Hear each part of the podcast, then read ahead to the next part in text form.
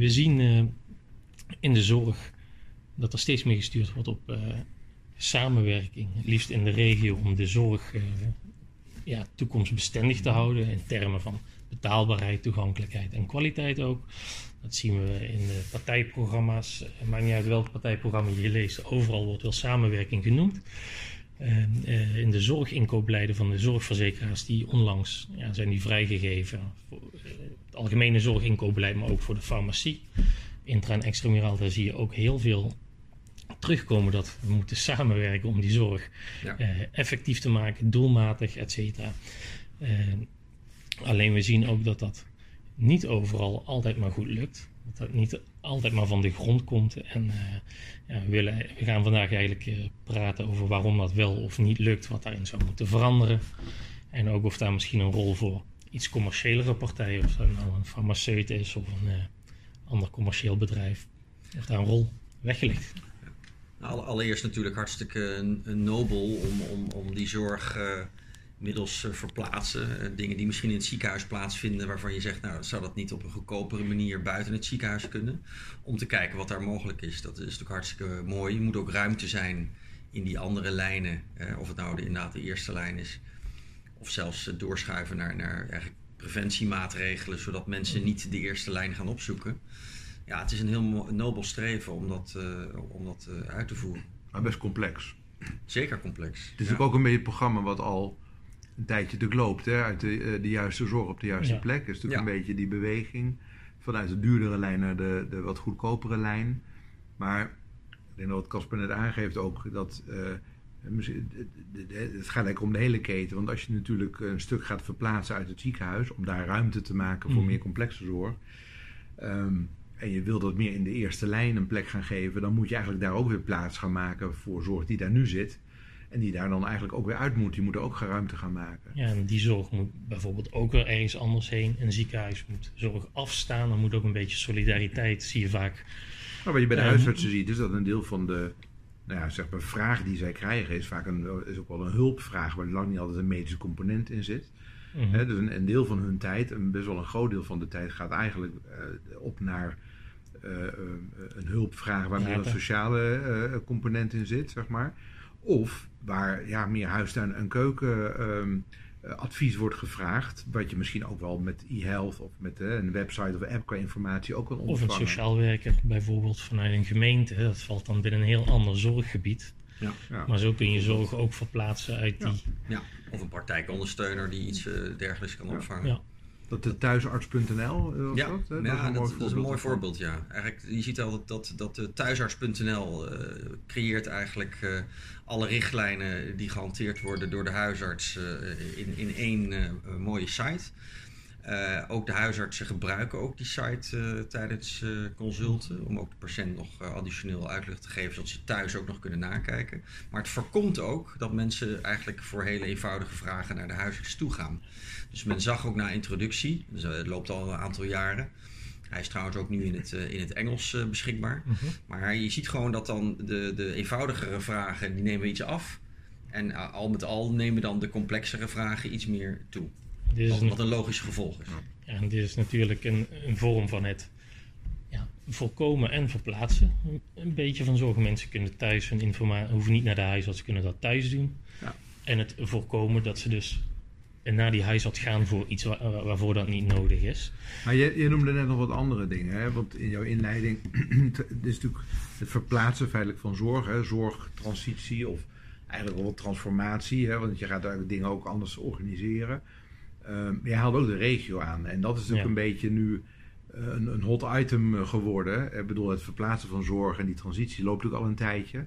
En dat gaat best langzaam. Er is ook een potje geld, die, die transitiegelden. Nou, die zijn nog lang niet altijd volledig benut daarin.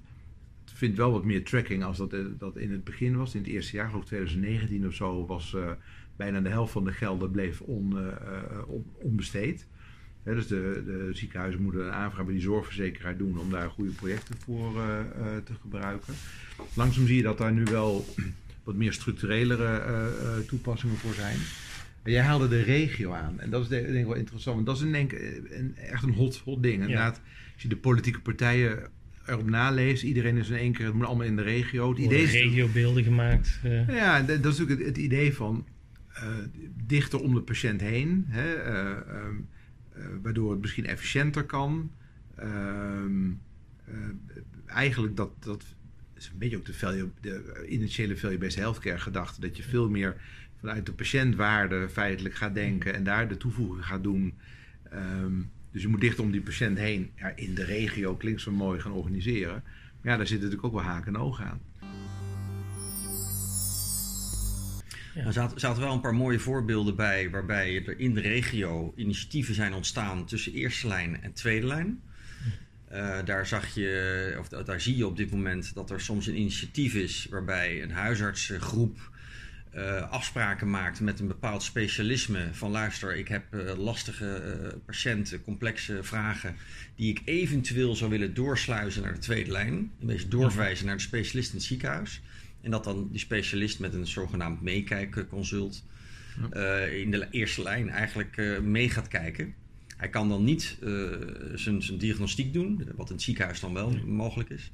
Maar op die manier zijn er wel al pilots geweest waarbij er uh, ja, de helft van de patiënten dan uiteindelijk niet doorverwezen wordt naar de tweede lijn. En is dat een mooi voorbeeld wat jij nu noemt van make consult van de specialist. Hoe, maar hoe wordt dat dan gefinancierd? Ja, dat, dat is al een beetje de, het issue. Dat, uh, je, je, ziet dan ook in die discussies die ook op social media plaatsvinden. Uh, dat de arts eigenlijk het project aangeeft en dat iedereen enthousiast reageert van hé, hey, dat moeten wij ook gaan doen en uh, hoe heb je dat opgezet? Nou, je merkt wel dat dan de, de, de zorgverzekeraar erbij betrokken moet worden. Want uh, ja, de huisarts wordt natuurlijk heel anders bekostigd dan het ziekenhuis. Mm-hmm. En die arts die gaat dat niet gratis doen, die specialist. nou, in dit geval zijn meerdere voorbeelden van dat, dan, dat er vanuit segment 3 vanuit de huisarts wel gedeclareerd kan worden. Maar dat is allemaal op tijdelijke basis. Uh, dus kortom, zijn pilots. Allemaal pilots. En sommigen zeggen ook van ja, dit hebben wij vorig jaar of vier jaar geleden ook al een keer gedaan. En het is toen een stille dood uh, gestorven. En die reden is dan niet helemaal duidelijk waarom het, waarom het ophoudt. Want men is in de regel heel enthousiast. En voor de verzekeraar ja, uh, is, is het ook uh, perfect. Want er worden minder mensen naar de tweede lijn doorverwezen. En de patiënt uh, die is ook beter af, want het eigen risico wordt niet aangewend. En hij hoeft niet naar het ziekenhuis als het niet hoeft. Nee. Uh, hè, die last is ook weg. En misschien zit wel een mooi bruggetje naar uh, eigenlijk waar, wat we zien waar het knelt. Hè? Want jij geeft eigenlijk aan mooie pilots, maar ja. Dingen die ook dan weer een stille dood sterven. Dus mm -hmm. er zijn eigenlijk heel veel voorbeelden. Er zijn ook nog veel meer van dit soort voorbeelden waarbij je ziet dat partijen goed samenwerken. En dat is niet alleen zorgverzekeraar en zorgverlener, maar soms ook nog wel met andere uh, partijen erbij. Ja. Alleen. Um, het uitrollen vaak, en het opschalen. Van het opschalen, soort. ja. En, uh, en, en, het blijft vaak zo vaak bij een pilot. En de vraag is een beetje van wat moet er gebeuren om op die fase voorbij te komen. En een van de dingen die, wat jij net aanhaalde, Casper, in dit voorbeeld was natuurlijk financiering. Hè? Want ja, door één zorgverzekeraar die toevallig in die regio waarschijnlijk zit. Ja, dus het is de vraag van, goh, hoe, is iets nou echt structureel gefinancierd of is het maar eenmalig alleen maar voor de pilot? Dat is wel heel bepalend natuurlijk. Dus financiering is daar één. En stel, en stel dat, je een, uh, dat je een project opzet waarbij uh, bijvoorbeeld uh, patiënten die in een verpleeghuis ja. zitten, die ook eigenlijk doorverwezen moeten worden naar de tweede lijn, dan wordt het nog complexer. Want dan heb je weer met een hele andere uh, wet te maken. Financiering en de wet, ja. Andere stelsel. Ander, stel, ander stelsel. Dus dan wordt het helemaal... Kijk, in plaats van dat, dat de patiënt met een probleem in een verpleeghuis... met de ambulance naar het ziekenhuis gaat... en daar zijn behandeling krijgt... ja, zou het allemaal eenvoudiger en goedkoper kunnen. Maar je hebt met hele andere wetgeving te maken en bekostigingsstelsels. En dat is natuurlijk eigenlijk een beetje het verhaal als je echt in de regio om iemand heen dingen gaat organiseren, moet je dus eigenlijk over alle domeinen heen qua uh, ook, ook financiering qua de, qua de stelselwet, de zorgverzekeringswet, de WLZ, uh, mm de WMO, de jeugdwet. Uh, over alle domeinen heen. Ja. dus dat, dat is een, een, uitdaging. Maar een ander ding daarbij is ook nog eens een keer het, het delen, het uitwisselen van de gegevens überhaupt. Ja. Ik bedoel, ja. Al die instellingen gebruiken andere programma's. Je mag niet zomaar alles delen met ja. elkaar om nee. een patiënt heen. Dat, uh, is juridisch en privacygevoelig. Ja, dat, dat, mag niet altijd. Nee, dat zou eigenlijk een, dan, dan wordt er nu gevraagd aan de regio. Ja, ga dat nou eens anders, anders, invullen en kom eens met een voorstel. En dan denk ik ook wel dat, je, dat die verzekeraar, want dat is uiteindelijk waar het allemaal uitkomt, die verzekeraar die moet erbij betrokken worden om dit soort dingen op te zetten. En dan ook budget voor lange termijn bijvoorbeeld. En niet voor één pilot nee. even beschikbaar stellen. Dan heb je een goed plan en dan kun je niet op. Terecht, de verzekeraar moet erbij betrokken zijn. Het is natuurlijk wel een, spin in het web in, in dat geval. De vraag is een beetje, ehm, wie, wie moet de kar trekken? En, en dus eigenlijk, twee dingen. Hè. Ehm, het zijn alle initiatieven, maar moet je daar een, heb je daar een soort standaard leidende partij in? Die daar, moet dat de zorgverzekeraar zijn? Of moet dat... Uh, overheid kan ook.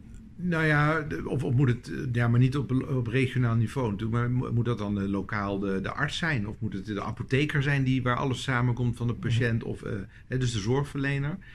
En, en de overheid, wat je zegt, dus meer landelijk de verhaal van moet er meer, meer sturing komen, moeten meer kaders worden geschetst voor jongens. Ja, als je ziet bij de ketenzorg, eigenlijk stelt de overheid die kaders, maar regionaal, al die ja. zorgverleners, partijen, specialisten met fysio's, die eh, richten dat wel in dan hoe zij patiënten bespreken en behandelen. En die maken onderling wel afspraken. Ja. Alleen budgetten, de bekostiging, dat wordt dan wel landelijk. Maar hier kom je natuurlijk op een beetje principieel moeilijk stukje. En dit is natuurlijk ook een politiek onderwerp. Hè, want er zijn natuurlijk politieke partijen die zeggen van nee, hier moet de overheid veel sterker, die moet veel duidelijker de, de kart trekken. En er zijn natuurlijk andere partijen die zeggen ja nee, je moet dat juist veel meer aan het veld overlaten. Ja. want dan, uh, dan die, die, weten in principe wat er goed is voor die situatie. En uh, ja, ik, ik, weet niet wat de waarheid is. En misschien is het wel een combinatie van. Maar eigenlijk is dat nu een beetje de, de, de, de, ja, de uitdaging. Um, ook in, in, in het beleid direct. want we hebben natuurlijk wel gezien dat in het advies van, van eh, allerlei uh, organen richting het mm. kabinet er ook zoiets staat van eh, samenwerking in de regio, eh, eh, meerwaarde, zorg, nog steeds juist op de juiste plek. Het zijn allemaal dezelfde termen. Ja. Maar de crux is nu hoe je direct van alle mooie pilots eigenlijk naar iets komt wat veel structureler is. dat zit hem toch in de financiering eigenlijk, voor een heel groot deel. Dat, dat is vaak wel leidend. Ja, wat Stan ook aangaf in het begin over die, die, die, die, die beelden die, uh, die regiobeelden. Ja. daarin zie je dat er geloof er zijn nu al een stuk of dertig of zo beschikbaar in Nederland. En dan wordt er eigenlijk per regio wordt eigenlijk aangegeven wat is nou al goed georganiseerd en, en waar, waar zitten er nog gaten.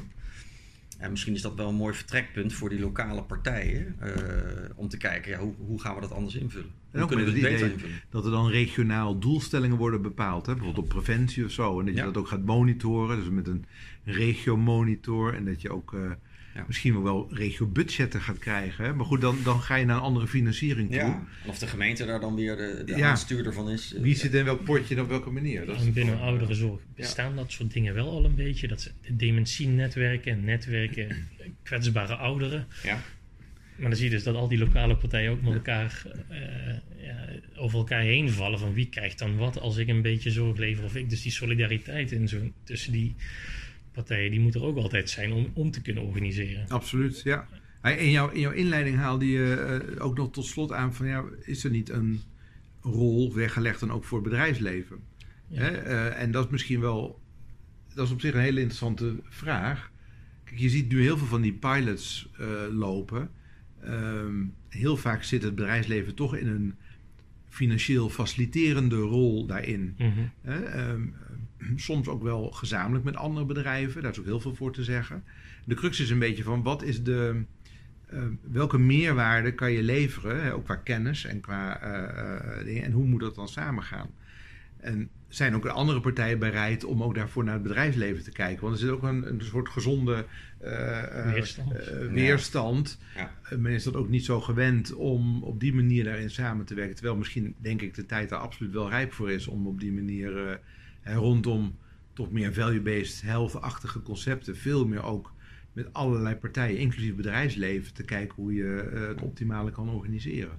Nou, je zou het ook wel kunnen initiëren en, en kunnen faciliteren. Ja. En dan zeker ook uh, de beroepsgroep er wellicht bij betrekken of, of, of met meerdere partijen te doen, zodat je die onafhankelijkheid uh, kan waarborgen. Ja, dat is en waarbij je eigenlijk alleen je richt op het, op het gezamenlijke doel. En dat is het verbeteren van die zorg. En alle partijen aan zich, die hebben hun eigen doelstellingen ook nog wel. En voor een bedrijf... Iedereen heeft zijn eigen belang. Dan zijn commerciële belangs, uh, doelstellingen zijn. Maar die moeten dan even helemaal geparkeerd worden. Ja. Waarin je puur de, de gezamenlijke doelstellingen eigenlijk centraal stelt. En dat is uiteindelijk die waarde voor die patiënt. Waarde voor de patiënt, ja. Dus denk dat er echt wel kansen, kansen zijn. Dit was het alweer voor deze podcast. Hartelijk dank voor het luisteren en wie weet tot ziens.